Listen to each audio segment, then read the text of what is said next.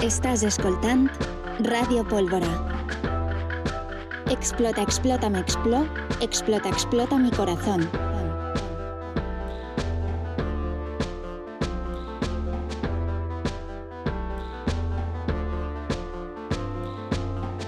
Comencem nova temporada de Ràdio Pólvora, que és un podcast per a pensar el nostre temps, per a pensar-nos en el nostre temps i sobretot per a compartir preguntes.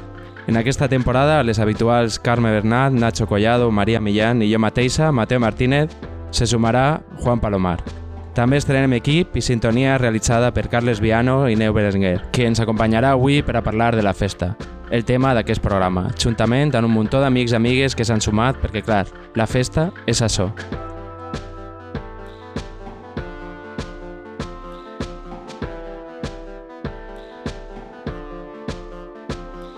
La festa és convoi i comunitat. Amb la festa transcendim el jo, som nosaltres, som amb els altres, som altres. La festa és tradició, és ritual, és popular i és mainstream, és monòtona. La festa és creativitat i consumisme. La festa és alteració de la norma i és norma. La festa es trenca el quotidià, trenca amb l'hàbit i es fossilitza, i és hàbit. La festa és el final d'un temps, el principi d'un nou. La festa és cures, la festa és violència, la festa és viscuda, la festa és espectacle, la festa és refugi i és fugida. La festa dona vida i dona mort als carrers. La festa és trencament i continuïtat. La festa és carnestoltes, discoteques, romeria, botellons, soparots, correfocs, raves... La festa és moltes coses, però avui ens preguntarem, és la festa transformadora?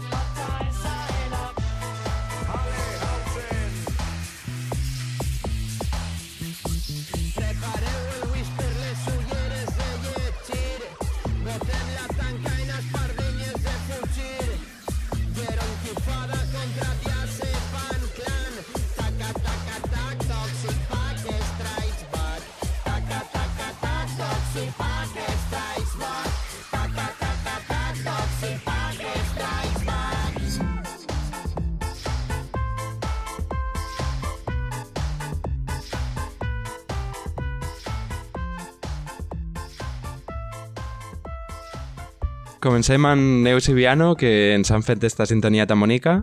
Sí, bueno, eh, en primer lloc, eh, Carles i Neus, donar-vos les gràcies pel, pel curro eh, gratuït i, i tan bonic que ens heu fet en tan poc de rato, perquè nosaltres tot ho fem igual, eh, en poc de temps i mig improvisat. I bueno, eh, la sintonia està xulíssima, ens ha agradat molt i és la primera vegada que tenim una cosa eh, quasi, bueno, professional eh, en, este, en este programa. Així que, en nom de, de Radio Pólvora, eh, gràcies, moltes gràcies. Eh? Un plaer. Sí. Gràcies eh, per pensar en nosaltres. Nosaltres som fans. Va.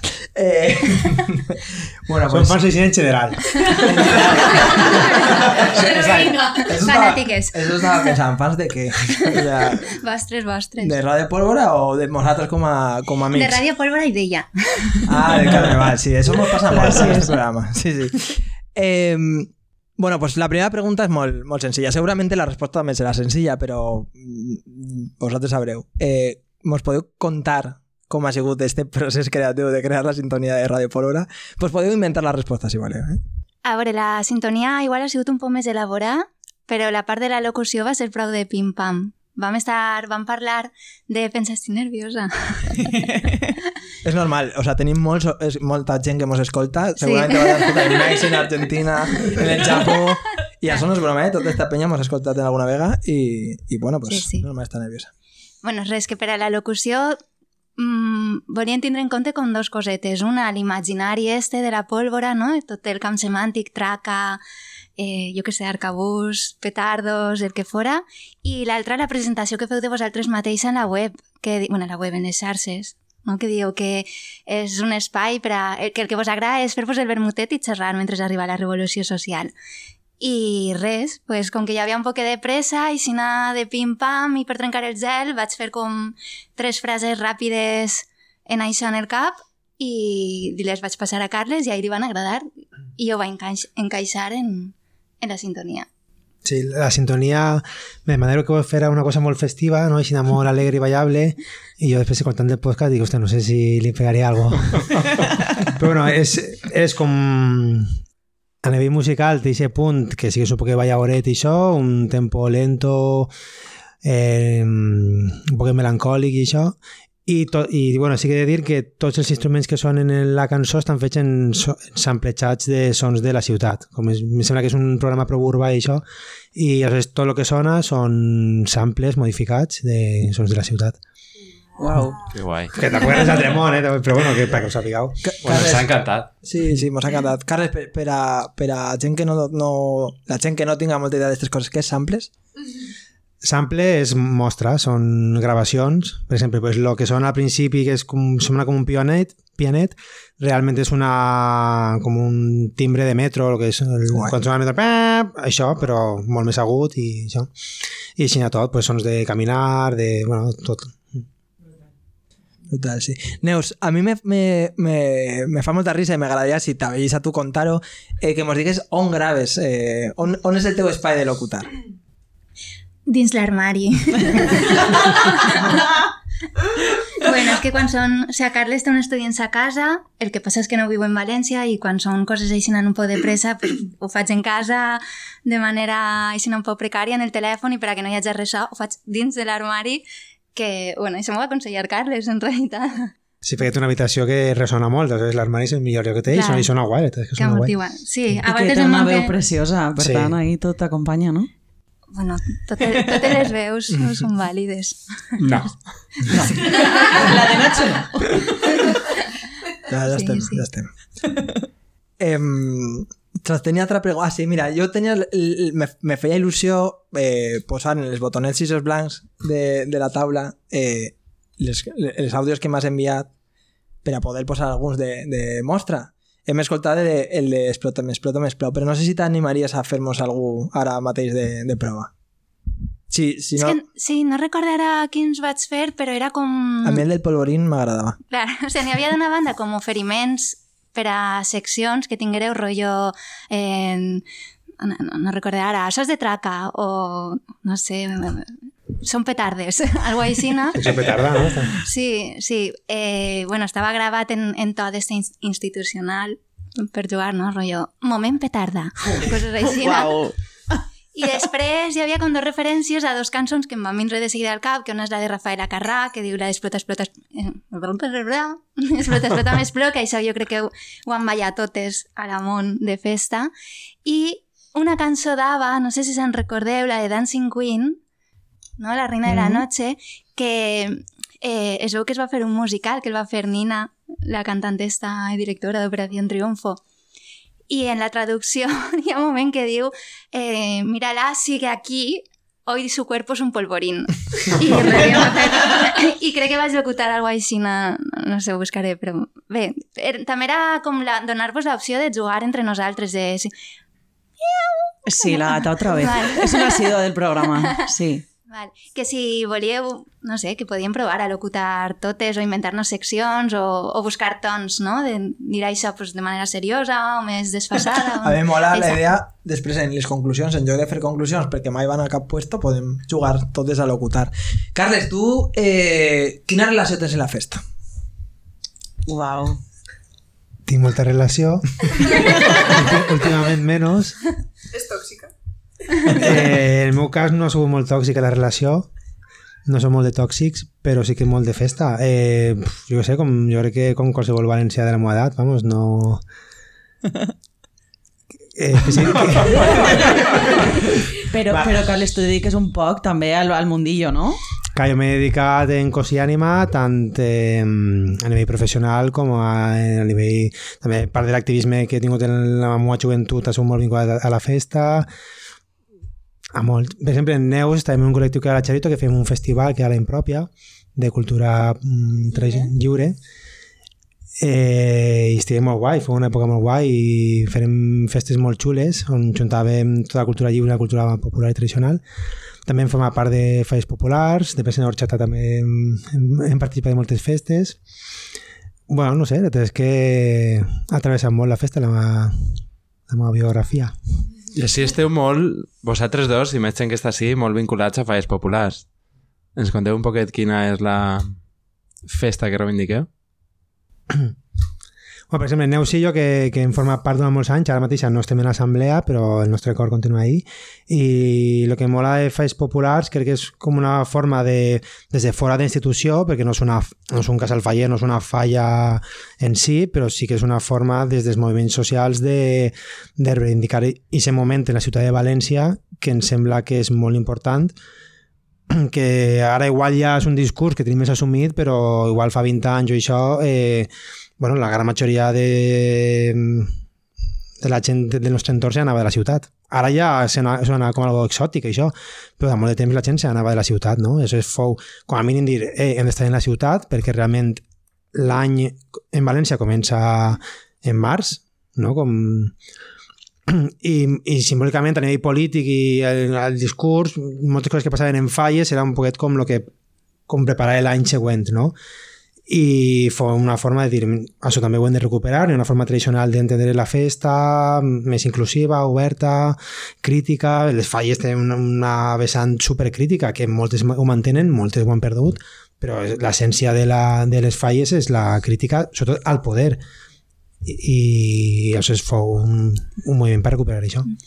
Jo recordo un punt d'inflexió va ser el primer any que nosaltres vam participar organitzant eh, una de les jornades de falles populars, hi havien participants de falles populars de festa i també en Borxata van tocar, però el primer any que estàvem en l'assemblea eh, el lema era «Estes falles i on quede», no? justament per la percepció esta que deia Carles que igual població fallera és el 20% de la població de València, però són unes festes que mm, paralitzen tota la ciutat, sobretot si estàs currant, no? és com és infernal.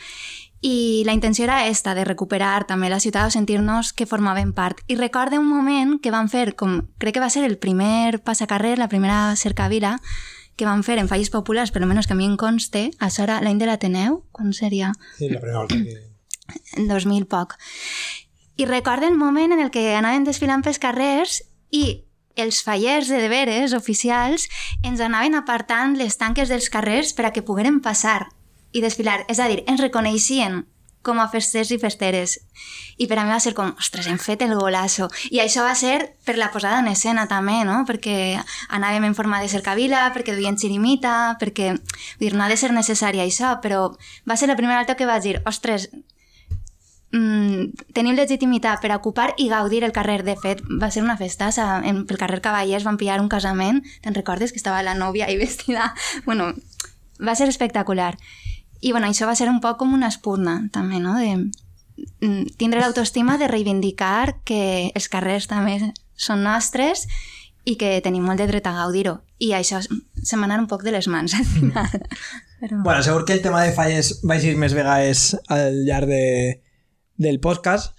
Eh, però bueno, hem, acabem de parlar en, en Carles Viano i en Neus Berenguer, que han sigut eh, com sabeu, totes les persones que m'esteu escoltant segur, eh, han estat en Horchata, han estat en Horchata Sound System, han estat en, en Falles Populars, ara tenen altres projectes d'activisme, Neus ha estat en Trebarris, Carles, la veritat és que ara fa música i és tot el rato en apunt.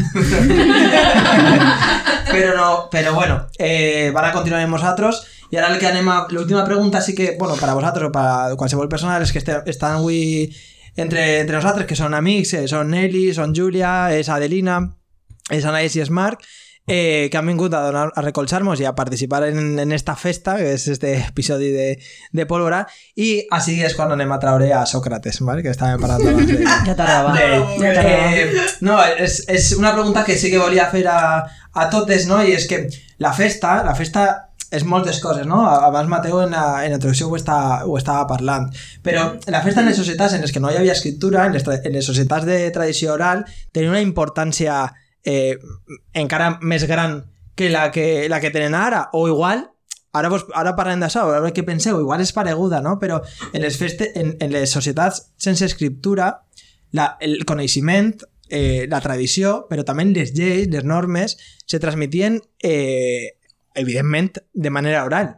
I, com, com, i, I això no podia ser només eh, inventant relats i transmitint-los, no? Eh, calien regles, regles o ferramentes memotècniques per a, per a poder fer aquesta transmissió de coneixement. I una de les, una de les normes, una de les regles era la música, per exemple, o les cançons, els relats, els relats eren una, una, una, una manera molt important, no? Però també la festa. La festa com a transmissor del coneixement de, en, en, entre generacions. Penseu que d'això queda algo avui en dia?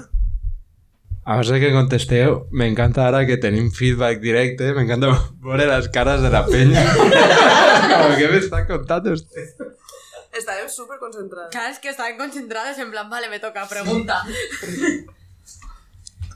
Bueno, és vertebradora de comunitat, no? I això continua siguent, no? I, o sigui, en totes les societats ha sigut i continuarà sent necessari el moment este de catarsi col·lectiva, així l'indi en germanor, no? I comboi. I, clar, històricament s'ha donat de manera més o menys ritualitzada. Jo crec que també el punt este, el grau de catarsi Te'n fa, te'n fa. Ara aniré a veure què passa. està fent les festetes. Eh, el punt este de reconnexió o d'autodestrucció variarà molt en funció de com encorsetada, com ui, d'encorsetada estiga la societat no? en la que s'està. Si estem en, un, en una societat amb unes estructures molt dures, molt rígides, la gent tindrà més necessitat d'ex- d'explotar i, i que aquest moment siga justament d'oblidar, de, de perdre el control no? fins a límits grans. Si és una societat més assumible, probablement trobarem maneres de festejar-nos i celebrar-nos més saludables o menys destructives. No? Que ens agrada més retindre el record del que ha passat i no oblidar-nos. Buah, quin meló, eh? Sí, sí. Eh, per a mi sí que ha sigut transmissora de coneixement, especialment de la cultura popular. Segurament a través de ma mare, i crec que aquesta experiència no serà única, no? Però ma mare és una gran celebradora de la festa i de, del comboi màxim constant.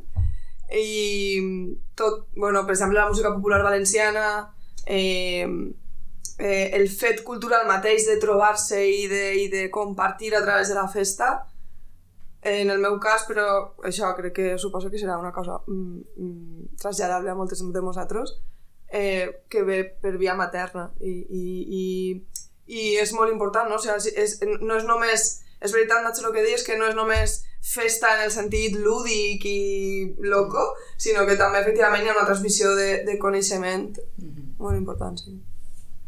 Yo con lo que decías creo que también tiene una parte cultural, ¿no? Como, por ejemplo, bueno, yo soy gallega y se me vienen a la cabeza las foliadas, que son música, eh, fiestas tradicionales, donde se come comida típica, eh, se bebe la comida típica, ¿no? Y se canta, se cuentan cuentos y todo eso sigue muy vivo, ¿no? Y me parece que sí que son pues, momentos muy ricos, culturales, en los que se transmite, pues eso, de generación en generación. Y aparte de eso también me hacía pensar esto que estábamos hablando en que no es solo la tradición que viene de atrás, ¿no? sino que también se están creando nuevas tradiciones que se van transmitiendo eh, de generación en generación. No solo la, lo que consideramos como popular, ¿no? como lo antiguo, sino pues, nuevas cosas que se están creando también a través de la fiesta. Bé, doncs, eh, això justament, per exemple, és quan sabeu que Sòcrates... Eh, No, tío. Jo pensava que seria un programa Free Cites, però ja veig que... Sòcrates, a Sòcrates no l'havien citat fins avui, eh? Sòcrates desconfiava de l'escriptura. Per què? Perquè deia, la tradició oral té tants, tants filtres com persones que la transmeteixen. La tradició escrita no. Qualsevol persona, qualsevol idiota pot escriure qualsevol cosa i quedar en el món pendent, no? Bueno, això és un poc la crítica de Sòcrates a, a l'escriptura. Eh, Però, paradoxalment, gràcies a l'escriptura, sabem que Sòcrates va dir això. efectivament. Joder, Sócrates. Poble valencià, falleres i fallers, en esta nit fallera, en esta nit de festa, en esta nit d'il·lusió i d'alegria,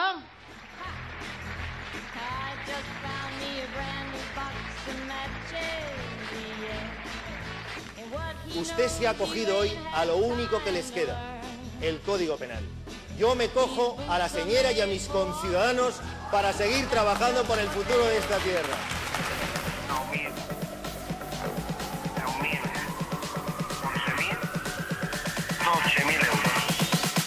Dos millones de calés.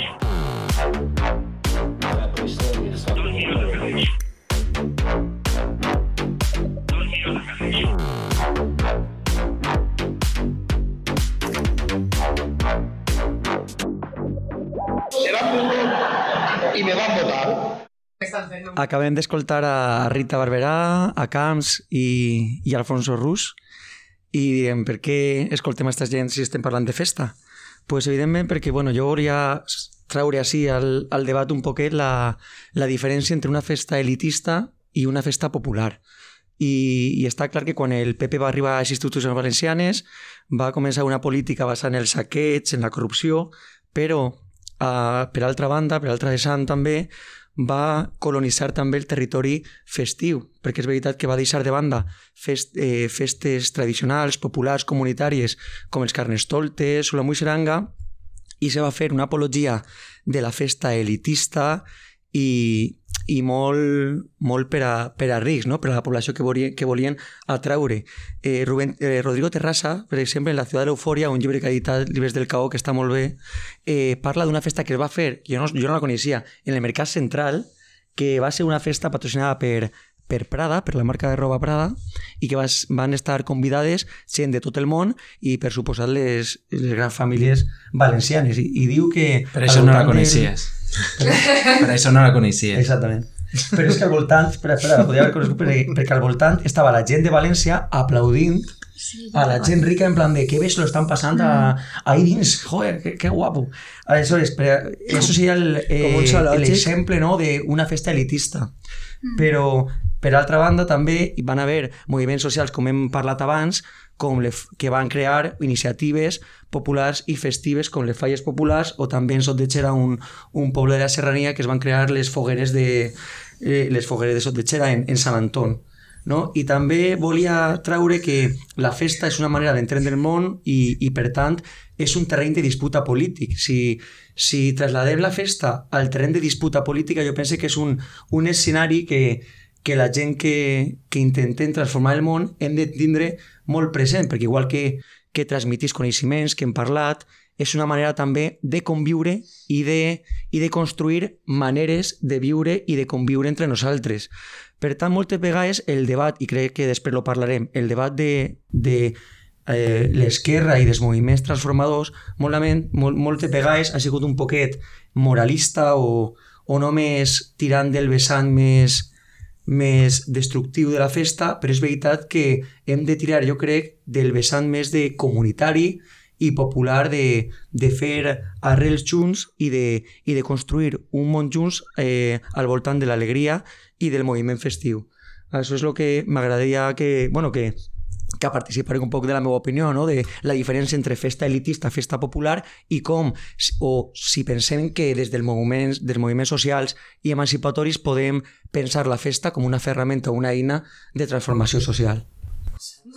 M'agrada que facis com eh, la pregunta de si n'hi ha una diferència i jo, jo penso que n'hi ha una connexió que és un poc el que estava parlant Carles també de n'hi ha un punt crític que té la festa però n'hi ha un altre punt que igual no, o com a transmissor de valors, coneixements i tal, però n'hi ha una part que és molt important i que connecta una festa elitista a una festa popular, que és la transgressió de, de totes les convencions socials que pugui haver. O sigui, per exemple, penseu en festes com les falles o les carnestoltes, Mardi Gras o les festes més primitives, anem a dir, són festes dures, són festes moltes vegades molt desagradables i, i n'hi ha com una subversió de tots els elements que, que durant la resta de l'any estan inalterats, no?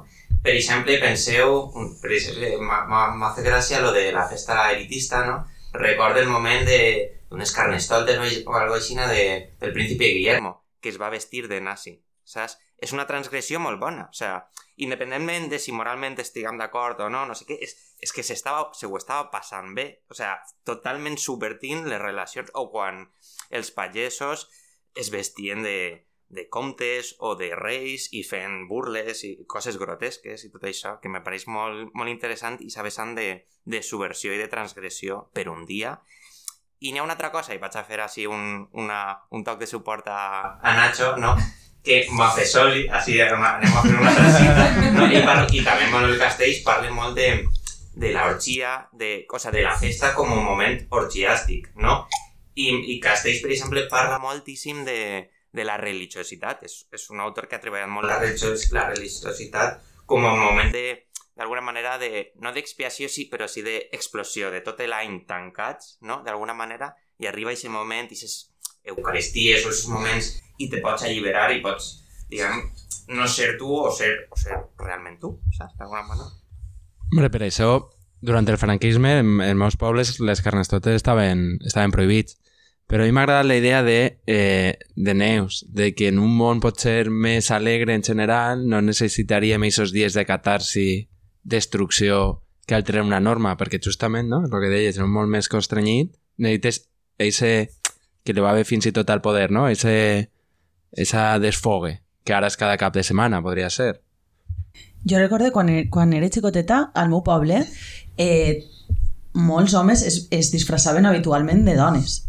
Eh, per a Carnestoltes. Suposo que continua, que continua passant, no sé si se pot relacionar en el tema de la subversió de la norma, no? de, de l'alliberament ahí en el, en el moment de Carnestoltes. Jo no li havia donat una explicació seriosa hasta que no vaig entendre que la masculinitat eh, hegemònica era una malaltia i, i, i ja me va... Pues ho vaig començar a comprendre, no? Este moment de catarsi col·lectiva en la festa i de transgressió de rols de gènere ahí superbèsties. Clar, també en, parlant de la transgressió, també he de tindre en compte que jo pense que la transgressió sense dissidència pot, convertir, pot convertir-se en una cosa un poco, un poc eh, no sé com dir artificial, no? Per exemple, estic pensant en la moguda madrilenya en Alaska, que era super transgressora, tal, però clar, que al final el que fan és perpetuar, que millor això podria nominar també que és la festa elitista, no? La manera de com podem transgredir sense transformar, no? És igual per ahí va la diferència. No, eh, igual jo he dit que elitista és el mercat central, però igual elitista també és la gent que fem festa intenta eh, que no pensem o que no es pense en com transformar les coses. Podria ser una altra, una altra diferència entre festa elitista i festa popular. Però jo, jo crec que eh, pensar que les festes elitis, que hem anomenat elitistes no transformaven és un error, mm -hmm. perquè van ser realment transformadores, vull dir, transformaren un imaginari col·lectiu que segurament a nosaltres no ens representava, però que representava molts valencians i valencianes i que a més construïa una narrativa del desig, que crec que era molt interessant. O sigui, era com, eren capaços de a través d'un procés superexclusiu i d'exclusió que no incloïa a més a molta a la majoria dels valencians i valencianes construir un discurs realment transformador que a més posicionava València i la societat valenciana en el món i era l'objectiu per això venia Prada i per això venien els milionaris del món, perquè el que l'objectiu transformador, que podem no, podem no estar d'acord, però l'objectiu transformador era posicionar València en el món i ho feien a través de l'espectacle i a més tenien la capacitat, i jo crec que això és algo que, que segurament no estem, o sea, no estem d'acord en el fi, però que com a ferramenta era molt potent, de convèncer a una majoria molt loca perquè ahí estaven tots els valencians i valencianes, com tu has dit, aplaudint un procés que els excloïa, però que els generava un desig perquè sempre aspires a estar en el VIP de la discoteca. Clar, oh. Totalment. I és veritat, lo de transformació. Jo parlo de transformació més a nivell, no l'he dit emancipatòria, evidentment ha transformat. De fet, ara me, he, he pensat que quan Vox encara no era tan gran, les joventuts de, el jovent de, de Vox el que feia era el canyes per Espanya. No sé, no sé si, no sé si l'ho he escoltat, sí. de canyes per Espanya. Sí. Vull dir, utilitzava la, la festa com un motiu de...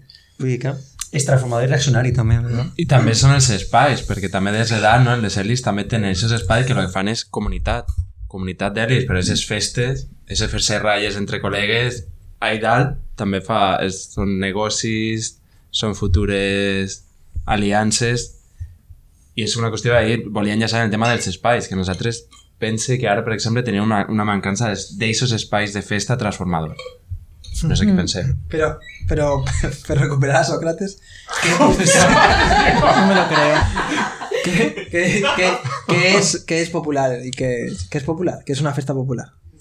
Ah, yo no digo popular, yo estaba hablando de espais transformadors. Nacho. Eh. no, lo digo en serio, lo digo en serio. Hacía falta. No, en serio, que és, és que jo tinc dubtes, jo estic parlant, o sigui, estic pensant, donant-li voltes, que, que és una festa popular. Jo, jo m'imagino que és una festa d'èlit, no? Que, per exemple, quan venia la Copa Amèrica i, i en, en, en Canal 9 hi imatges de, de quatre dones en biquini en un jacuzzi en, en un hotel, ahí com en, en el, la terrassa de l'hotel, no? En el, en el terra de l'hotel. Eh, no sé si barrejar terrau i jacuzzi rooftop, rooftop. un rooftop bueno, així que tenim l'arquitecte però per mi, per mi això és un, una festa no? E, elitista però què, què és una festa popular? perquè jo m'imagino una festa popular pot ser aquella en la que, en la, que la gent que participa és el poble o, o és la gent és, és les classes eh, populars eh, o és, què és una festa popular? Soc incapaç de, de definir-ho. Encara que no, aquesta capacitat no, no, no, no que estiga que pense que la festa és o pot ser popular i, i la imatge en el cap, però no sóc capaç de definir-ho. Yo creo que popular es lo que crea el pueblo, ¿no? Y no lo que crea una industria o a nivel cultural, pues lo que hablas de de pues un poco lo que el pueblo demanda, no porque la propia industria diga pues vamos a poner unas chicas en un jacuzzi, eso se va a convertir en popular porque lo haga la gente, ¿no? Creo que, que no se convierte en popular porque lo haga la gente, si es una imposición del sistema, sino cuando nace desde abajo para arriba, en mi opinión. Y luego un poco también decir con la pregunta que lanzabas de, de si es transformador, yo creo que cualquier desde el momento en que dejamos de individualizar a las personas y la gente se junta y empieza a ver colectivo, ahí siempre va a haber una transformación. Entonces, como que nos guste o no nos guste, pues, eh, no sé, Esperanza Aguirre en el mitin del PP haciendo su fiesta, pues es una, sí que considero que es una transformación.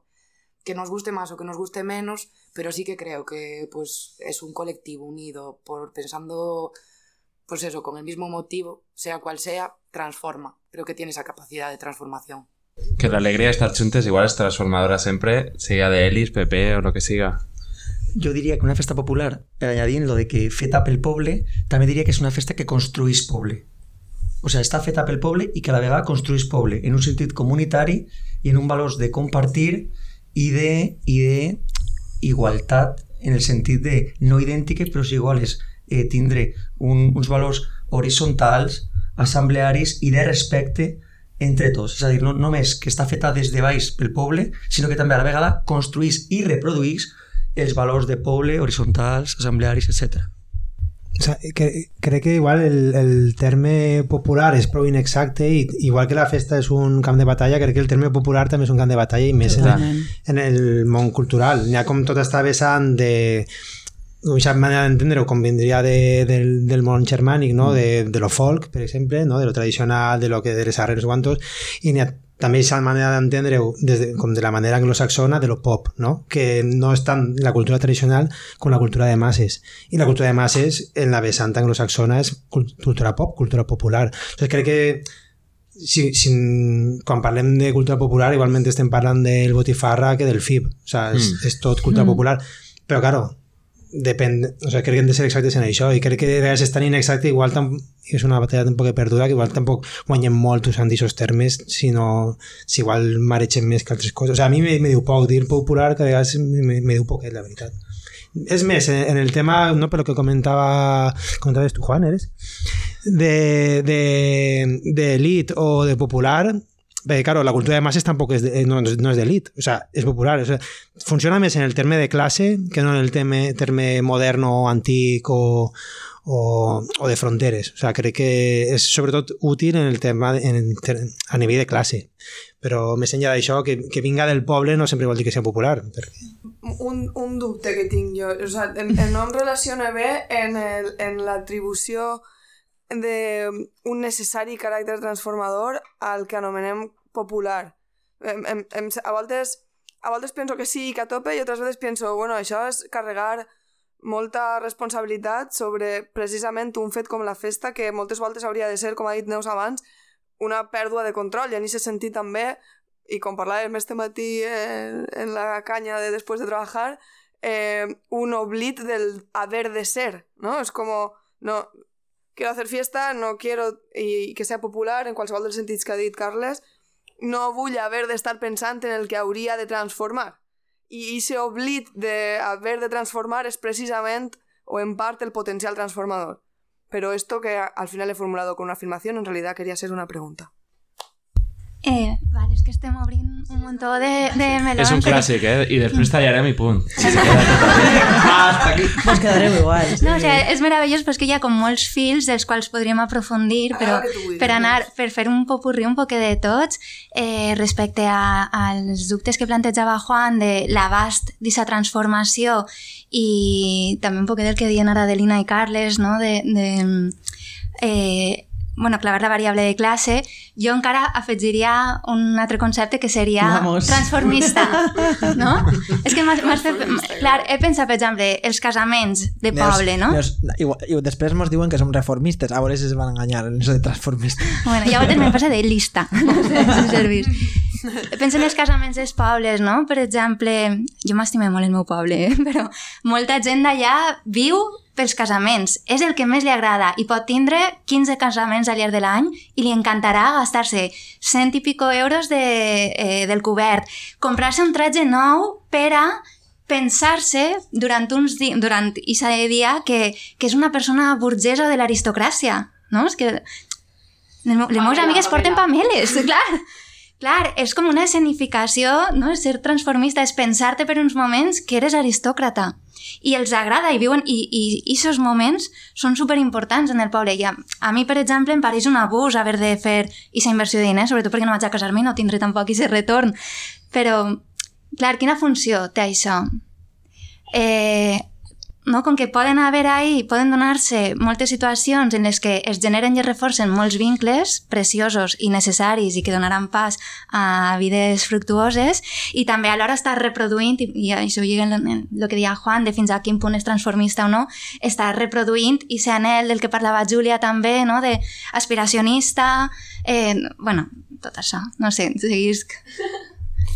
Jo crec, crec que al fil de lo que estava parlant Juan eh, m'agrada el concepte de transformació perquè també o sea, no, no té per què ser subversió crítica o, o rebuig. Moltes vegades pot ser transformador en el sentit, en el sentit d'ampliar aquestes convencions socials o aquests acords tàcits o moltes vegades no definits que puguen tindre les diverses dimensions socials o culturals. Estic pensant, per exemple, en Carnestoltes a Travolta i la seva relació de la festa amb, amb l'humor, saps? O, aquesta vinculació que té l'humor elitista i popular no és el mateix l'humor que puga fer un Andreu Buenafuente en el sentit mainstream que el que puga fer uno de Estirando el Chicle, que són àmbits més, menys mainstreams i poden estirar els límits de l'humor, saps? I transformar un poc aquestes convencions socials que, que estan un poc eh, tancadetes, diguem així, no sé? O le, en València ja no tant, però a vegades es recupera les relacions que tenim eh, de la festa amb les arts. Estic pensant en les falles, òbviament, però moltes festes en Mardi Gras també passa que tenen una vessant artística o, o en la música, com, com genera eh, nous tipus de música que al principi és, és, tenen ser rebuig perquè són molt, molt transgressors, però acaben arribant i, i, i incorporant-se un poc a la, al folk o a la, a la música popular o, o a la música mainstream. O sigui que crec que d'alguna manera sí que són transformadores les festes en Isa vessant. Com sempre, pues deixem tot obert, és la gràcia un poc del programa, la limitació, i després reprenem i crec que la següent cançó t'encantarà, Marc.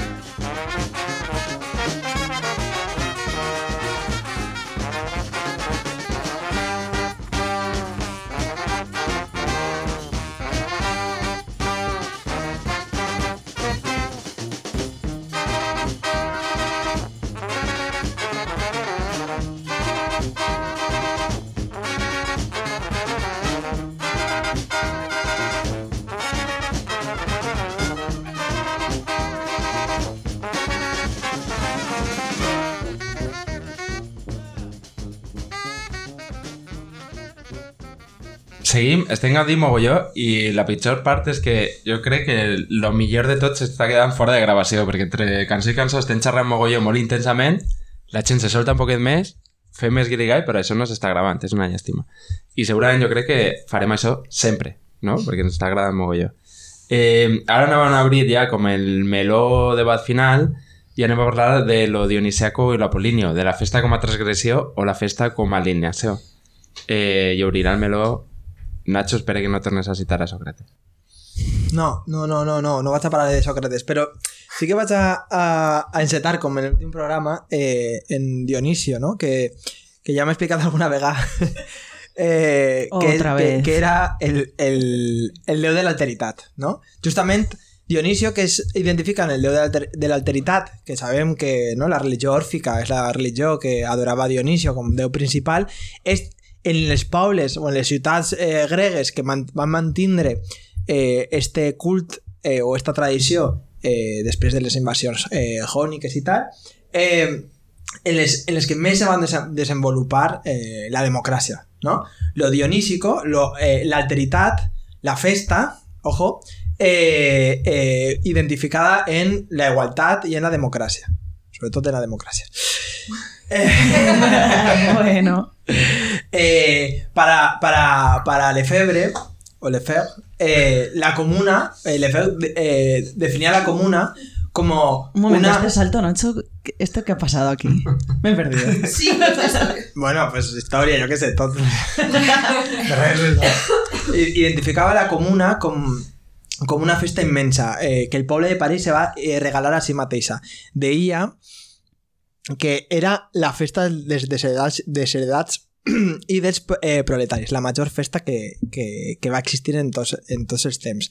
En, a Nova, Nova Orleans, després de l'huracà eh, Katrina, eh, hi ha una sèrie molt xula que es diu Treme, si no recorde mal, eh, que justament parla d'això, no? com mitjançant la, la festa i la música la gent eh, en una ciutat absolutament eh, expropiada, eh, eh, absolutament buidada de vida, van recuperar la ciutat, van recuperar els barris, les cases i le- sobretot els carrers mitjançant la festa i la música.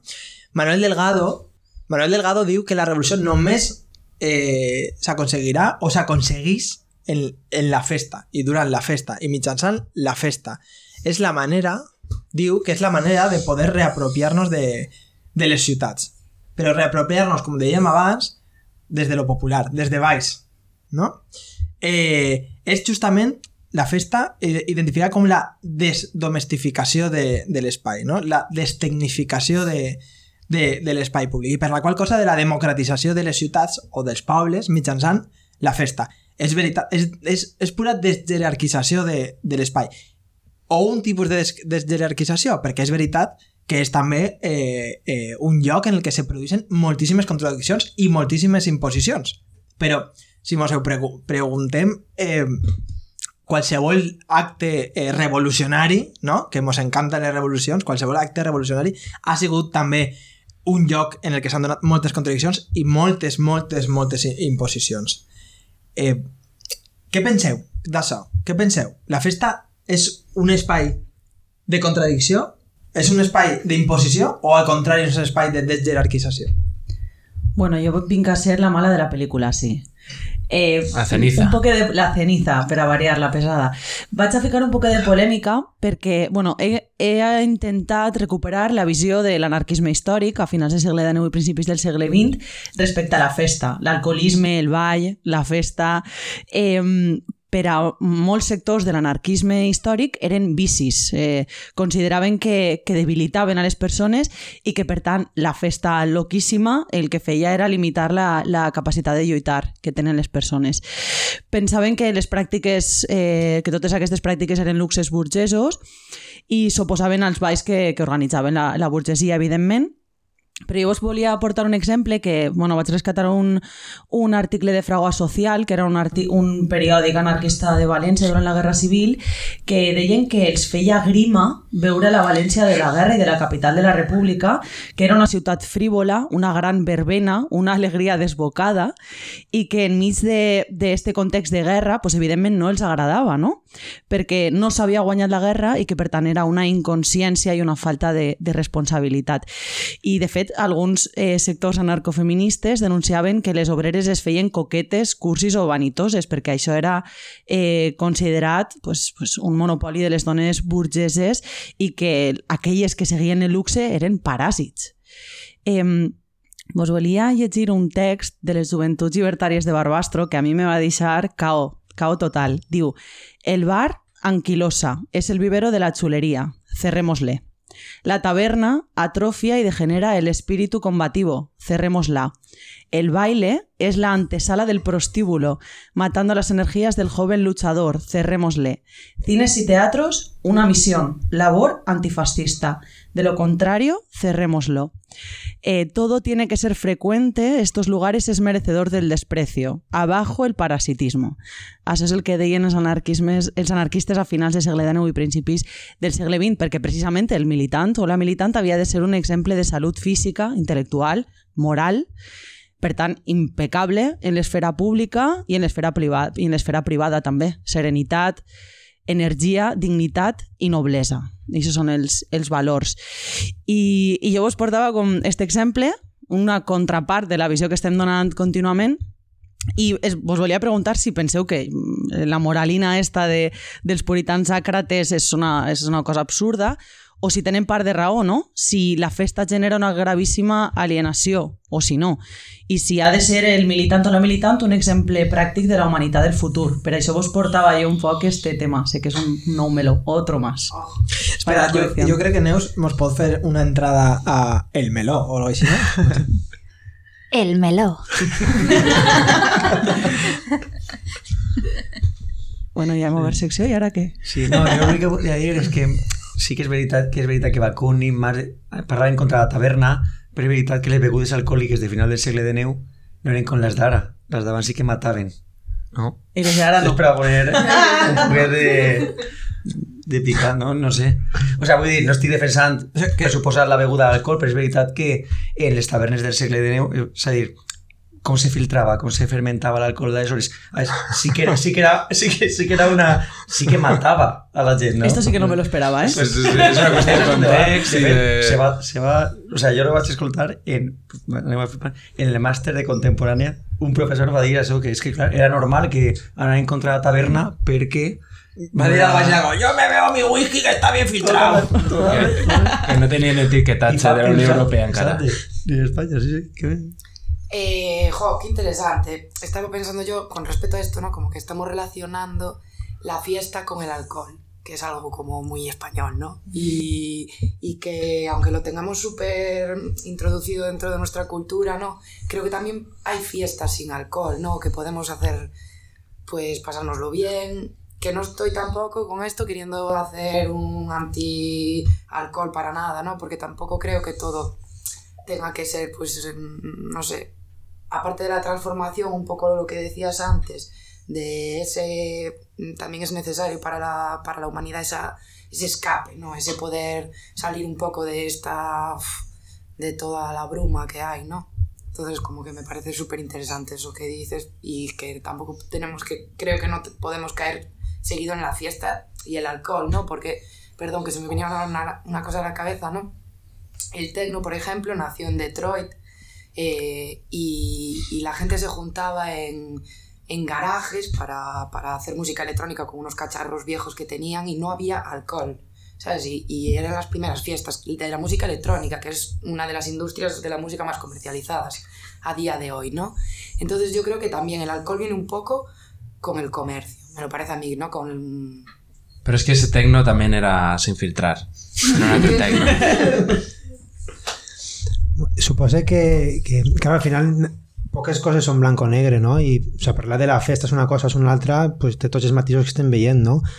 Tenim tota la tradició europea i mediterrània de festes carnavalesques, on estan carnestoltes, entre les falles, eh, que, no? que, se, que la base de ser és la subversió de la identitat, del poder, i, i tenen ise, això, després tenim moltes festes que a través del catolicisme continuem així, no? pues com la Setmana Santa i això, que és tot el contrari, és una forma de, de afiançar el poder, o fins i tot les festes després del franquisme, pues, teníem a Rita i dalt i el poble baix, vull dir que la festa pot servir tant un- per una cosa com per una altra, no? com per a subvertir el poder o com per a afiançar-ho i, i ahí està el camp de batalla, en fer que sigui una cosa o una altra.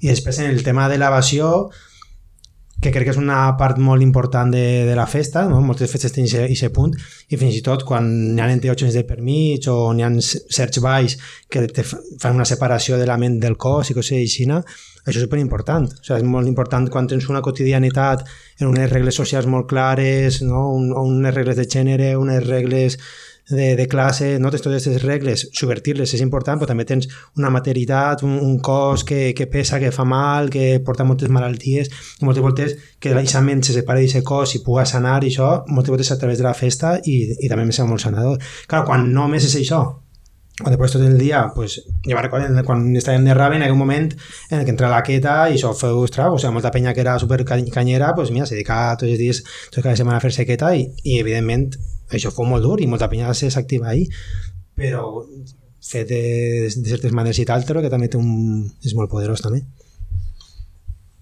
En, bueno, he, he pensat també en el paper dels casinos eh, bueno, això, en temps de postguerra, que era un espai de subversió també, sobretot pel que fa a les convencions de gènere.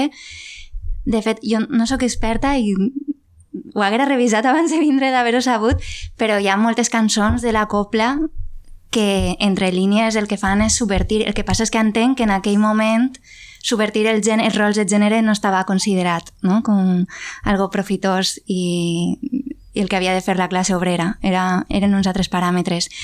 Respecte al que dia Carles, clar, a mi em fa pensar també molt en la domesticació corporal, no? Quan de vegades es necessitarà aquests espais per desconnectar del cos i sanar, però insistisc en el que deia a l'inici de tot. Si vivim en una societat o tenim una quotidianitat tan rígida que necessitem escapar d'ella cada poc, genial que puguen haver estos espais eh, d'alguna manera que estiguen cuidats per a poder fer-ho, però tant de bo no necessitarem, no? Eh, no sé si heu vist una pel·lícula, van passar en la Filmoteca aquest estiu, es dia Otra Ronda. Sí. No sé si és danesa o, o sueca. I la pel·lícula és brutal. Comença... Bueno, va de... Ho, ho puc explicar? Si no, Sí. si m'enredre massa, talleu. Alerta, spoiler. No, i Un tampoc poquet. tenim temps de radiofórmules, ja que... Tens 25 segons. Hòstia. 23.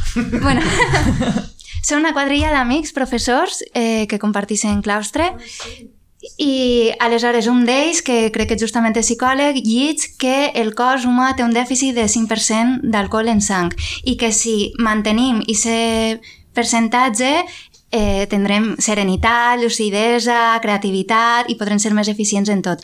Aleshores, eh, decidissin experimentar això, no? Primer d'una manera i com en registres molt científics i després se'ls va de les mans i passa de tot.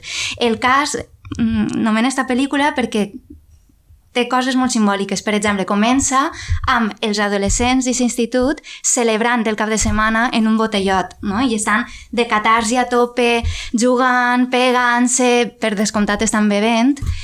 I el cas és que el primer que fan els adults, el grup este d'amics, quan veuen per primera volta, és justament això, és recuperar el cos. Comencen a jugar a futbol, ballen, acaben revolicats entre ells, no? Què passa, què passa en, en les persones, més a banda de les constriccions, bueno, a banda no, per les constriccions estructurals, que des de que són bebès o xiquets xicotets, xiquetes, que això que anem explorant el món en el cos, que ens refreguem, que pugem damunt del pare o de la mare, no? I no es xafem encara que sigui els pits, els genitals, no hi ha tabús corporals, eh, es compartís tot, i com anem domesticant el cos en aquesta rigidesa que al final trobem a faltar i per això necessitem els moments de, de descontrolar. O com, per exemple, en la dansa. Pensem, és que és la meva neura, però... Com, per exemple, eh, aprenem a estar quietetes, a, a, a comportar-nos bé, a no molestar, a no destorbar, i després igual paguem 35 euros o 50 per veure un espectacle de dansa contemporània en el qual unes persones que s'han somès a una disciplina super, super rígida estan simulant que tenen un cos lliure, no? o que el manegen com els xiquets i les xiquetes de manera espontània ja ho fan jugant en l'espai. Brutal. I no sé, per ahí... Oh. Jo crec que tor tornant al fil, m'agrada el del comentari que feia Carme abans de si la festa és inhibidora o si és expansiva d'alguna manera i crec que, i citava pues, exemples de, històrics de, dels anarquismes en Espanya. Crec que això està a debat no només en l'anarquisme espanyol en els anarquismes espanyols sinó que n'hi ha posicions a favor i en contra tant en aquesta època com després sobre si, si la... Claro, ella, ella parlava de, de la taverna o el bar, no? ella referenciant a, als, als textos, però claro, és, és difícil o sigui, n'hi ha, ha postures a favor i en contra tant dins dels anarquismes com, com dins de, dels moviments socials o del, de la progressia o de, o de, de, de qualsevol de, de les disciplines, diguem, de, de pensament. Perquè sempre ha estat... Crec que la festa és molt més transversal, transversal la festa i l'alcohol, no? o les festes i les drogues, diguem així, la, la consumpció, sempre ha estat molt més transversal que, a, a, a, a les ideologies, no? Pensem, per exemple, en pues, de la, quan la, la República del 14 d'abril, les festes que n'hi havia al carrer, no? A les places públiques i tot això. O, per exemple, pensem en, en la Segona Guerra Mundial, eh, a punt d'acabar el règim nazi, i la gent, en comptes de defensar o de retirar-se, de rendir-se, es ficava a fer festes, on n'hi havia, per cert, transgressió, travestisme, alcohol, n'hi havia tot tipus... O sigui, vull dir, i, i aquesta gent, precisament, també tenia un model que els anarquismes, a l'extrem oposat, tenien també, que era un culto al cuerpo, culto al, a la razón, bueno, a la razón no, precisament, pero un culto al cuerpo y, y un poco a la naturaleza. N'hi havia, n'hi havia moltes coses que eren compartides, diguem, en, en un straight age d'avui en dia, saps? I que podríem dir, hòstia, saps? I és perquè és molt, trans, molt més transversal la festa que relacionada amb una ideologia o una altra. I una altra cosa que volia comentar abans, per cert, eh, havia citat abans a Manuel Castell i era Manuel Era Manuel sí. Exacte. Però una cosa que, que he vist tot el rato que és molt, molt sintomàtica és que no n'hi ha, en totes les converses que estem tenint, és que no n'hi ha festa eh, si no és col·lectiva. O sea, no n'hi ha festa, sinó... O sea, un individu... Em resulta molt, molt, molt complicat, pot ser avui en dia en el postmodernisme, trobar festes individuals, no? O, o pot ser festes virtuals i tal, individuals, però les festes són precisament eh, col·lectives. O sea, la, la, la unió de la gent és la que fa la festa. I una cosa que estava comentant també quan, quan ha tret el gato és això, la festa com a apropiació de l'espai. Sí que si hi ha un espai que pensem que pugui ser privat, com pugui ser el saló o el comedor, saps? Però és una apropiació d'aquest espai que de fet és, esdevé en comunitari. O la festa, quan, per exemple, els aliats o la, la Unió Soviètica guanyen, i se'n al carrer. O sigui, l'única forma de demostrar l'alegria i el goig és eixir al carrer i demostrar-ho. O sigui, unir-se d'alguna manera en la gent, sotmetre's... Di, eh, difondre's d'alguna manera, di, diluir-se la individualitat i fer-se col·lectiu per a, per a esdevindre festa, saps? Ibáñez, un, so, un sociòleg que Nacho, diu Ibáñez, que... que... Nacho, Nacho, Nacho te da igual qualsevol coordinació, moderació... un, un, un autor que, que es diu Ibáñez, Jorge o Jesús, Jesús, Jesús Ibáñez, justament fa un, un anàlisi sobre la sala d'estar Eh, i està, és super guai per el que deies, no? de com dins de les cases eh, la sala d'estar és un lloc eh, que és fora, no? de, que és el lloc on la, la gent de fora s'apropia de la casa per fer comunitat, sí, sí, és com ara. Com ara mateix, que el que està parlant exactament ara mateix. Jo anava a fer un parèntesi que ara n'hi ha festes molt rares, n'hi ha gent que se va a karaoke a soles i n'hi ha festes en Fortnite que són comunitàries però són eh, online, però bueno Anava a parlar Carme. Un isis, un isis. Crec que una de les transgressions de la pròpia festa és si en discoteques, el que estàs tu comentant, on tu pots anar en els teus cascos i ficar-te la... No només una, o n'hi ha tres o quatre tipus de música diferent i pots tindre una festa i, i gaudir d'una festa... Una experiència diferent. Exacte. O sigui, però o sea, ens pot pareixer molt bizarro, però també és una transgressió de la pròpia festa. És una nova volta de tuerca, és infame. Transgressió a mal. Però, però és una cosa raríssima. Jo com m'avui interrompit tots. I sobretot no sé quan se posa a parlar de la tesi, que, vamos, la passió màxima. Eh, torno un poc arrere per a, per a puntualitzar que igual no ho he explicat del tot bé, però evidentment dins l'anarquisme n'hi havia moltes lectures diferents. De fet, n'hi ha una de la que no ens queden moltes fonts i és l'anarquisme de los bajos fondos, de los barrios chinos, eh, de, de la participació d'altres cercles que habitualment eh, pues, no es lliguen amb l'anarquisme però que també estaven estretament lligats. Eh, això ho ha explorat molt bé una editorial que es diu La Felguera, que fan coses eh, super rares i precioses eh, i ho recomane però ja m'he perdut perquè jo m'havia quedat ahí i ja no escoltaré més. Així se n'anem, jo crec que posem música i... Res, respecte a qui té dret a ocupar el carrer, no? a fer festa. Recordo en concret el, la setmana de la primavera valenciana, com durant quatre dies el carrer estava mm, ple de policia. Qualsevol, no molta gent tenia por de fer els seus trajectes quotidians perquè estava havent repressió molt forta, càrregues més enllà dels moments de manifestació. I just al quart dia anava a treballar i anava passejant pel carrer Sant Vicent a la plaça de la Reina i em vaig trobar en un muntó de hooligans, no recorde quin equip europeu eren, crec que eren d'Holanda, sense camisa, bueno, senyors homes d'entre 40 i 55 anys, descamisats, bufaíssims, a les 6 de la vesprà, pel carrer Sant Vicent, o sigui, just després de tres dies de càrregues superfortes i tenien, o sigui, se sentien superlegitimats a ocupar l'espai, a celebrar la seva festa, a fer la seva catarsi. I és molt cridaner. I de fet jo vaig anar a la policia i vaig preguntar, ¿y a estos no les decís nada? I van dir, uy, es que son muchos. No? Però vull dir, és que era un contrast molt bèstia. Ah, i, I potser per ahir està també lo subversiu, no?, de la festa de si no tenim dret a ocupar el carrer, ocupem-lo, celebrem-nos. Després ja està de quina manera, però celebrem-nos desacomplexadament fora. No?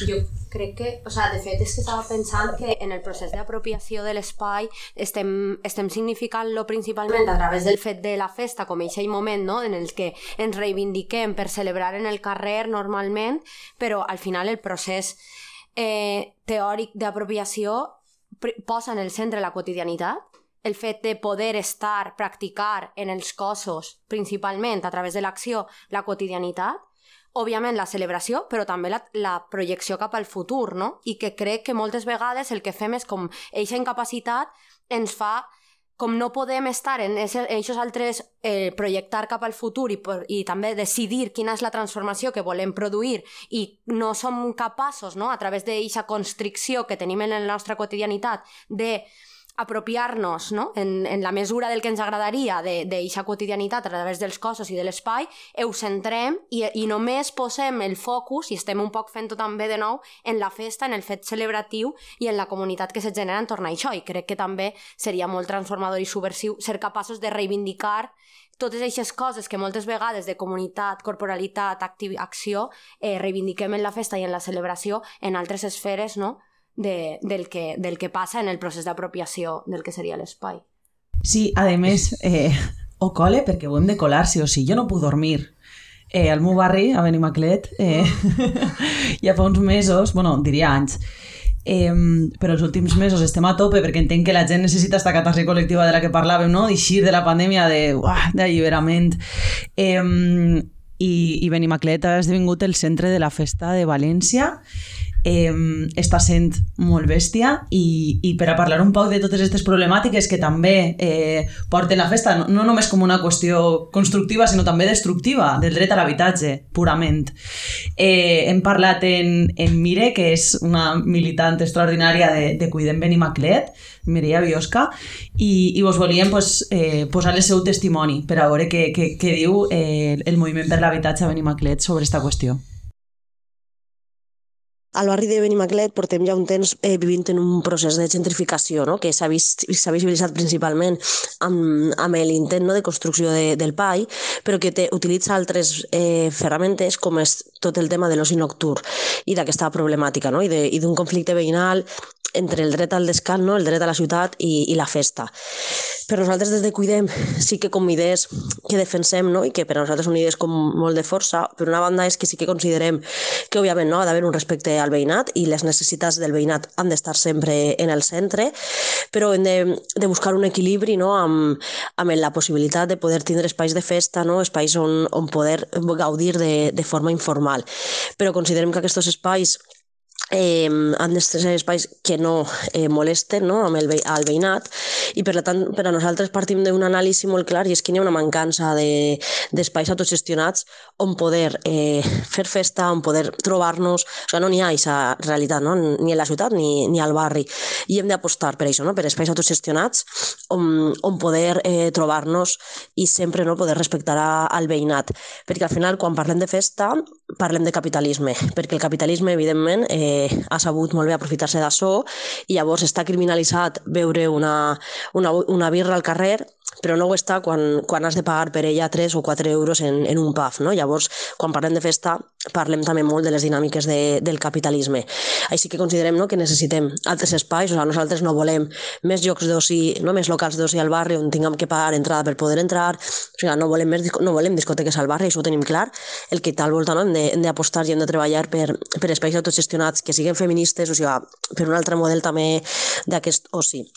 I el que sí que també tenim molt clar és que el que no podem, eh, o sigui, la manera en la que no podem solventar les dificultats amb l'oci nocturn és amb més repressió i amb més policia, que és el que tenim a dia d'avui al barri. O sigui, en el barri principalment les zones calents són sobretot la, la plaça i a dia d'avui, clar, no n'hi ha botelló, no n'hi ha gent al carrer per les nits perquè el que tenim és una policia permanent que està cuidant la plaça, no? I considerem que eh, per a nosaltres esta no és la manera de, de cuidar Benimaclet, no? Per a cuidem, pensem que, que òbviament hem de respectar el descans de, del veïnat, però que tal volta no ho hem de fer des d'unes altres vies, però sabem no, que mai serà per mitjançant la, la policia, no és la via que nosaltres, per la que nosaltres apostem, i bueno, considerem que hem de continuar buscant alternatives i sobretot fer-lo des del veïnat.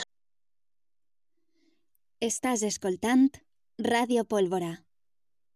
Eh, mos, mos comenta Mireia que, que en Benimaclet tenen una situació de conflicte. Efectivament, és un poc del que estàvem parlant abans, no? La festa com un espai de catarsi col·lectiva, un espai de reapropiació de, de un, espai, un, un moment de reapropiació de, de l'espai, però que efectivament eh, en qualsevol moment catàrtico no? eh, es donen es, donen, es, es generen conflictes i la plaça de Benimaclet ara mateix, però han sigut altres espais no? eh, en la ciutat de València, en qualsevol altre puesto eh, és un, és un espai calent d'este conflicte. Hi ha gent que necessita, no és que vulgui, necessita dormir. Necessita dormir també, podríem preguntar-nos sobre això, perquè, perquè hi ha unes hores determinades, uns horaris i tal. Però... Però... Què, no, dia, què dia Sòcrates de dormir? És, és, és cert, no? Perquè, per exemple, eh, eh, perquè un dijous, un dijous no i un divendres sí, eh, és, és una qüestió de ritmes laborals, segurament eh, i, de, i, de, i de la necessitat de, ma, de madrugar o deixar de madrugar. Diré que és... dijous també en Benimaclet, eh? No, clar, no, no, però si fora només, el dissabte, si fora només el dissabte, clar, no, en Benimaclet la plaça és de dimarts a, Iros a, a diumenge. casa, de verdad. Clar, ja. Però en ese anar-nos a, anar-se a casa, eh, la gent, que sobretot és la gent més jove, que necessita espais de, de trobada, espais de trobada més en identitat, en certa identitat, perquè això, per exemple, Susana Díaz, Susana Díaz, no me'n recordo com no, deia, hem de fer botellòdromos fora de la ciutat. Mm -hmm. Això no funciona. Això, és, això mai va generar un espai en què ningú es senta identificat. La gent necessita anar de festa a llocs en els que se senten identificats. Benimaclet seria un, un, un lloc de conflicte evident que jo no tinc ni idea com se podria resoldre i evidentment s'ha de respectar el, el, el, la, necessitat de descansar de, de les veïnes. Però Mireia, per exemple, estava dient, bueno, és que així, així hi ha altres contradiccions. O sigui, per què en una discoteca sí i, i, en, i en el carrer no? Perquè una cervesa que me duc de ma casa sí i una cervesa que compre en bar i me la bec en la terrassa no? no? Totes aquestes coses, bueno, pues... Clar, segurament hauríem de començar a buscar espais més saludables de festa eh, i més autogestionats, com estava dient Mire, no? Entenc. Jo penso que n'hi ha una mancança d'aquests espais, que abans n'hi havia tota una xarxa de CSOs que eh, generaven aquests de sociabilitat, aquests espais també que menjaven una altra escena de música, que menjaven diners també per a nodrir els moviments socials i que ara no queda cap res d'això. Fins i tot, pues, l'alternativa, per exemple, de Beni és anar a la, com diu, la Garrofera. La Garrofera. Que al final no deixa de ser un, un espai quasi com el que deies, Marc, de, de posar-te els teus cascos i sentir la teva música, perquè no és un espai que estigui manejant ningú, és un botellòdromo, on hi ha mogoll de músiques diferents, no se genera comunitat, no se genera cap identitat, no té relacions amb altres persones. Potser sí, però bueno. no és un espai de comboi o no és un espai de militància, en realitat.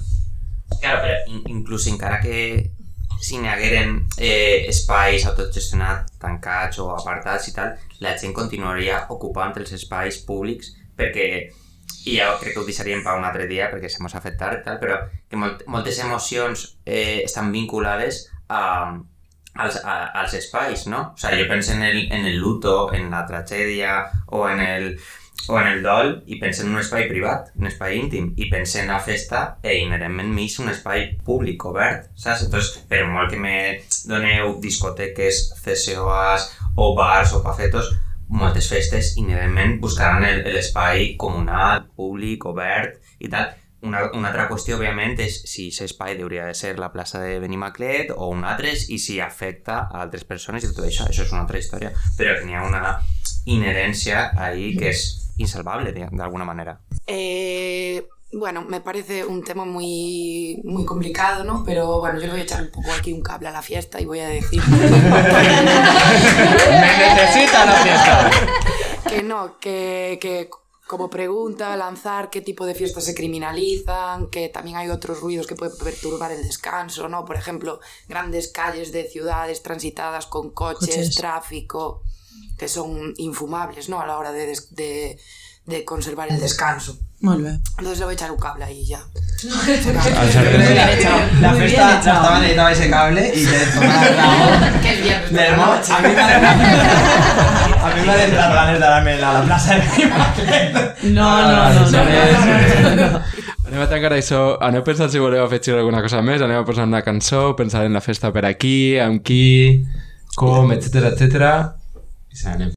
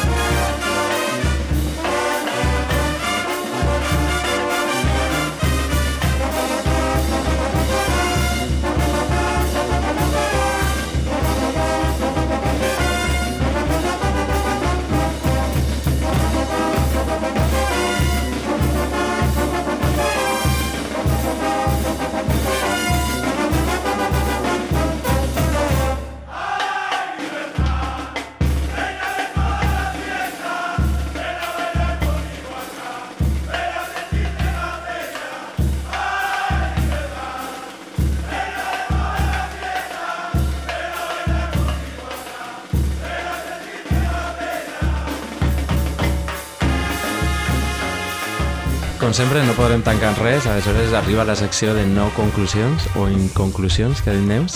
Inconclusions. Me encanta. Graba esto. ja, eh, Peña, ja començat les inconclusions. Eh, no sé, qui vol començar? Jo crec que en les inconclusions és super necessari citar a la gent de Gent Random, que ens han dit que s'han copiat el nostre tema.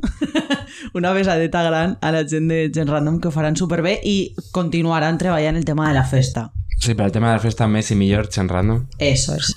Eso, chen de chen random. Si eu arribata a este punt, estem parlant de vosaltres. Aviseu-nos. Ai, que me toca. Eh, val, jo vaig a tractaré de, de, de dinamitar el programa. Venga, dale, dale, dale.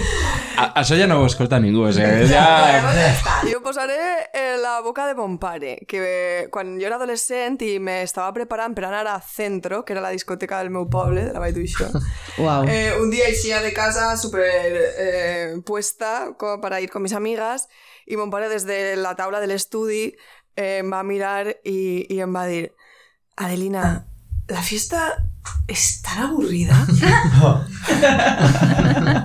Inconclusions. Bueno, jo voldria acabar este programa de, de la festa citant al, a l'estadista preferit de, de la nostra època, que és òbviament Pedro Sánchez, en un, en un tuit espectacular que va dir ser malos, colegas. Rocket, Pedro! ah, que voy yo, vale. Pues nada, yo como conclusión, pues me gustó mucho la referencia que hacía. ¿Cómo te dices? ¿Eh? Neus. Neus. De, Això ho talla després, si voleu, de- val? No, no, eso se queda, eso se queda. de que haya esas normas tan estrictas, ¿no? Y de que igual, pues cuando esto suavice un poco y que seamos un poco más libres y que tengamos pues mayor capacidad de expresión, pues estos momentos de desahogo, pues que también vayan a menos, ¿no? Hay una frase que me gusta mucho, por echarle otro cable a la fiesta, que dicen, si no nos dejan soñar, no les dejaremos dormir, ¿no? Pues... Ah, el Meli Maclet, no? Carles, jo crec que per ordre de No cal, geogràfic... no cal que parleu si totes, eh? si t'haveis inconcloure alguna cosa, pues és el moment. I si no, pues Neus, també. Pues res, que, que és important relaxar-se de quan en quan, sense fer mal a la resta, i que això, que, que continuarem fent-ho. La fiesta es la siesta. Ah, no hay que llorar, que la vida es un carnaval y las penas se van bailando. Jo, per a concluir, voldria eh, fer hincapié en les possibilitats polítiques de la festa, que continuem pensant-lo i, i reflexionant, i jo continuo en el mateix tema, no? Les possibilitats que podem treure els moviments socials, els moviments ema- emancipadors de, dels jocs festius, de les emocions festives i, i de l'alegria, en definitiva, no? Ja hem dit. Jo me quedé també en la idea de, de Neus, que en lloc de tancar la festa dels espais d'oci, molt entre cometes, que la festa i el joc fora un quotidià del dia a dia. Bueno, pues jo vaig a continuar la tradició de Marc i vaig a citar a un gran home de la nostra època que, que Hi ha una lluita de cites a cites, Marc i Nacho, a veure qui tanca el programa amb més eh, homes citats. Perquè Sòcrates deia de la festa...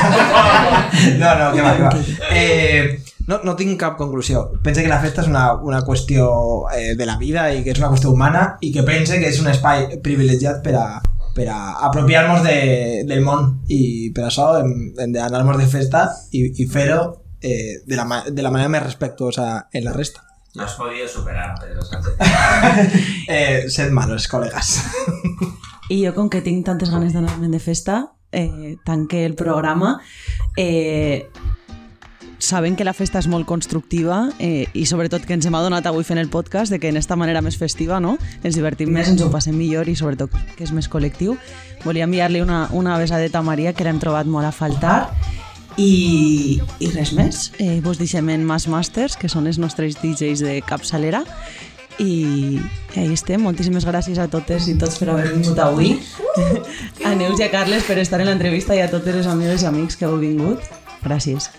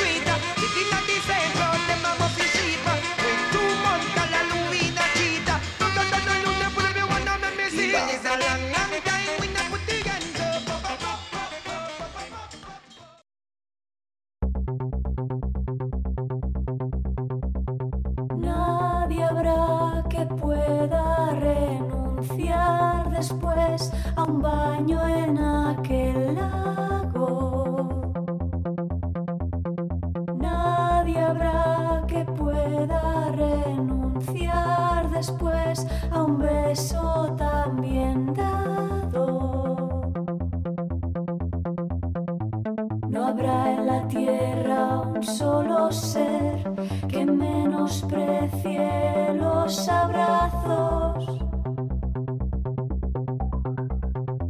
Ya no habrá dudas al prever que de esa fiesta no nos vamos, ni de ninguna más. Hola, hola. Vos enviem l'àudio a l'espera del resultat d'una PCR. Fem-me uns vermutets perquè aquesta espera és insofrible. No res. És una pena no poder estar ahí, ahí amb vosaltres avui. Però bueno, jo volia parlar de lo guai que va ser la ruta del bacalao a molts nivells, com la democratització de la cultura musical, que era molt elitista, en veritat encara ho és, per exemple, el desprestigi del reggaeton, o com la ruta del bacalao va ajudar a que es trencaren alguns estereotips de gènere, també va popularitzar la cultura de la festa i el ball. La ruta del bacalao tot era possible. L'autor del llibre En èxtasis, Joan Oleaque, ho explica superbé i és un llibre que recomane. La ruta del bacalao segons aquest llibre, unia les tribus, fomentava una cultura transversal del ball i totes arribaven a València a la idea de que així tot podia passar. Bueno, també parla de més, de més coses, com, com el tipus de música, la música màquina és un eix vertebrador de la ruta i Oriol Rossell la definís per la velocitat i el volum i aquestes dos característiques es relacionen en símbols de força i poder dos coses poc freqüents en els estrats més desfavorits del sistema capitalista. Eh, entre altres coses, els, els, hi havia de, de totes les classes socials a la ruta del bacalao, però així se fa un anàlisi prou interessant que podeu llegir al llibre. I, i també em, em va semblar superinteressant que, que, que la música de la ruta del bacalao és autòctona perquè els DJs treballaven en música internacional i la convertien en algo seu, tot molt valencià, i que tenia com, com finalitat alliberar-nos de la rutina. Eh, era un, el cap de setmana es va convertir en un, en un fin en, en, en sí mismo. La frase és el fin de setmana se convertir en un fin en sí mismo. Que, que m'agrada més en castellà aquesta frase. Però bueno, podeu llegir el llibre i descobrir més sobre la importància de la ruta del bacalao i la cultura de la festa actual i els canvis que aquesta han suposat en la festa. Des d'ací vull donar les, les gràcies a Ximo Bayo per fer possible la idea de festa que tenim a dia d'avui. I, I a més, com, com estic des de ma casa, tranquil·lament, eh, no podeu rebatre res d'això, o podeu, però jo no us escolte, i sinó que continuarem brindant de la vostra salut. El que vull reivindicar també a dia d'avui i des de casa, per precaució, és que la festa és necessària. No sé si transformadora o no. Segur que el debat que es du avui a terme en Radio Pólvora ens ho aclarís. No sé si parem la revolució social eh, estan de festa, els anarquistes de principi de, sèrie pensaven que no, Carme estarà explicant això d'una manera meravellosa, eh, perquè la festa ens, ens pervertia i ens allunyava de la revolució, però també és veritat que el govern va introduir l'heroïna al País Basc per desmobilitzar la lluita i sempre té raó el refrener espanyol amb la frase de pan y circo, que al final és la idea és fer-nos no pensar. En un altre, en un altre costat tenim Emma Goldman, dient que si no puedo bailar no és mi revolució i en tots els casals populars és grita festa i lleta també. Pot ser no comencem la revolució social al bar, però la festa on és. La festa ens allibera de la rutina, és transversal a tots els estrats socials i ens fa més humans. Sense dubte, en el moment actual en el que vivim, la festa és transgressora. Després d'un confinament total de restriccions, de llenar-nos del carrer, d'estar en casa molt de temps i, i encara seguim en la mateixa merda, mireu-me a mi, primera PCR, dos anys de pandèmia, i això no s'acaba mai, és horrible, però bueno, eh, encara així i des de ma casa estic reivindicant que la festa dia d'avui és més necessària que mai. Necessitem viure aquest sentiment comú, que ens donen les verbenes, conèixer el nostre veí, les festes del poble, ballar amb desconeguts i obrir-nos al món. La festa ens aporta una ruptura en la normalitat i l'ordre quotidià on podem experimentar sentiments més forts i entregar-nos activitats que no fem eh, diàriament. També té una, una part molt corporal, que és ballar, escoltar, tastar, tot junt. És una meravella. Ens permet trencar amb el, rostre, amb el nostre règim relacional i corporal del dia a dia, que en, de normal no ens permet moltes d'aquestes coses. Crec que pot ser una finestra que ens ajuda a trencar en el sistema en el que vivim, encara que sigui per unes hores o per uns dies, depenent de la festa a la que anem. La festa, al cap i a la fi, ens allibera un poquet d'aquest sistema que ens encorseta cada dia més. Això segur que ho rebatiu i, i em dieu que la festa també és part del sistema i jo potser estiga d'acord. Segurament en, en, en moltes coses ho estaré. Però mentre fem la revolució social no em quedaré sense verbenes. Un beset des de casa i, i ens veiem al proper Ràdio Pólvora.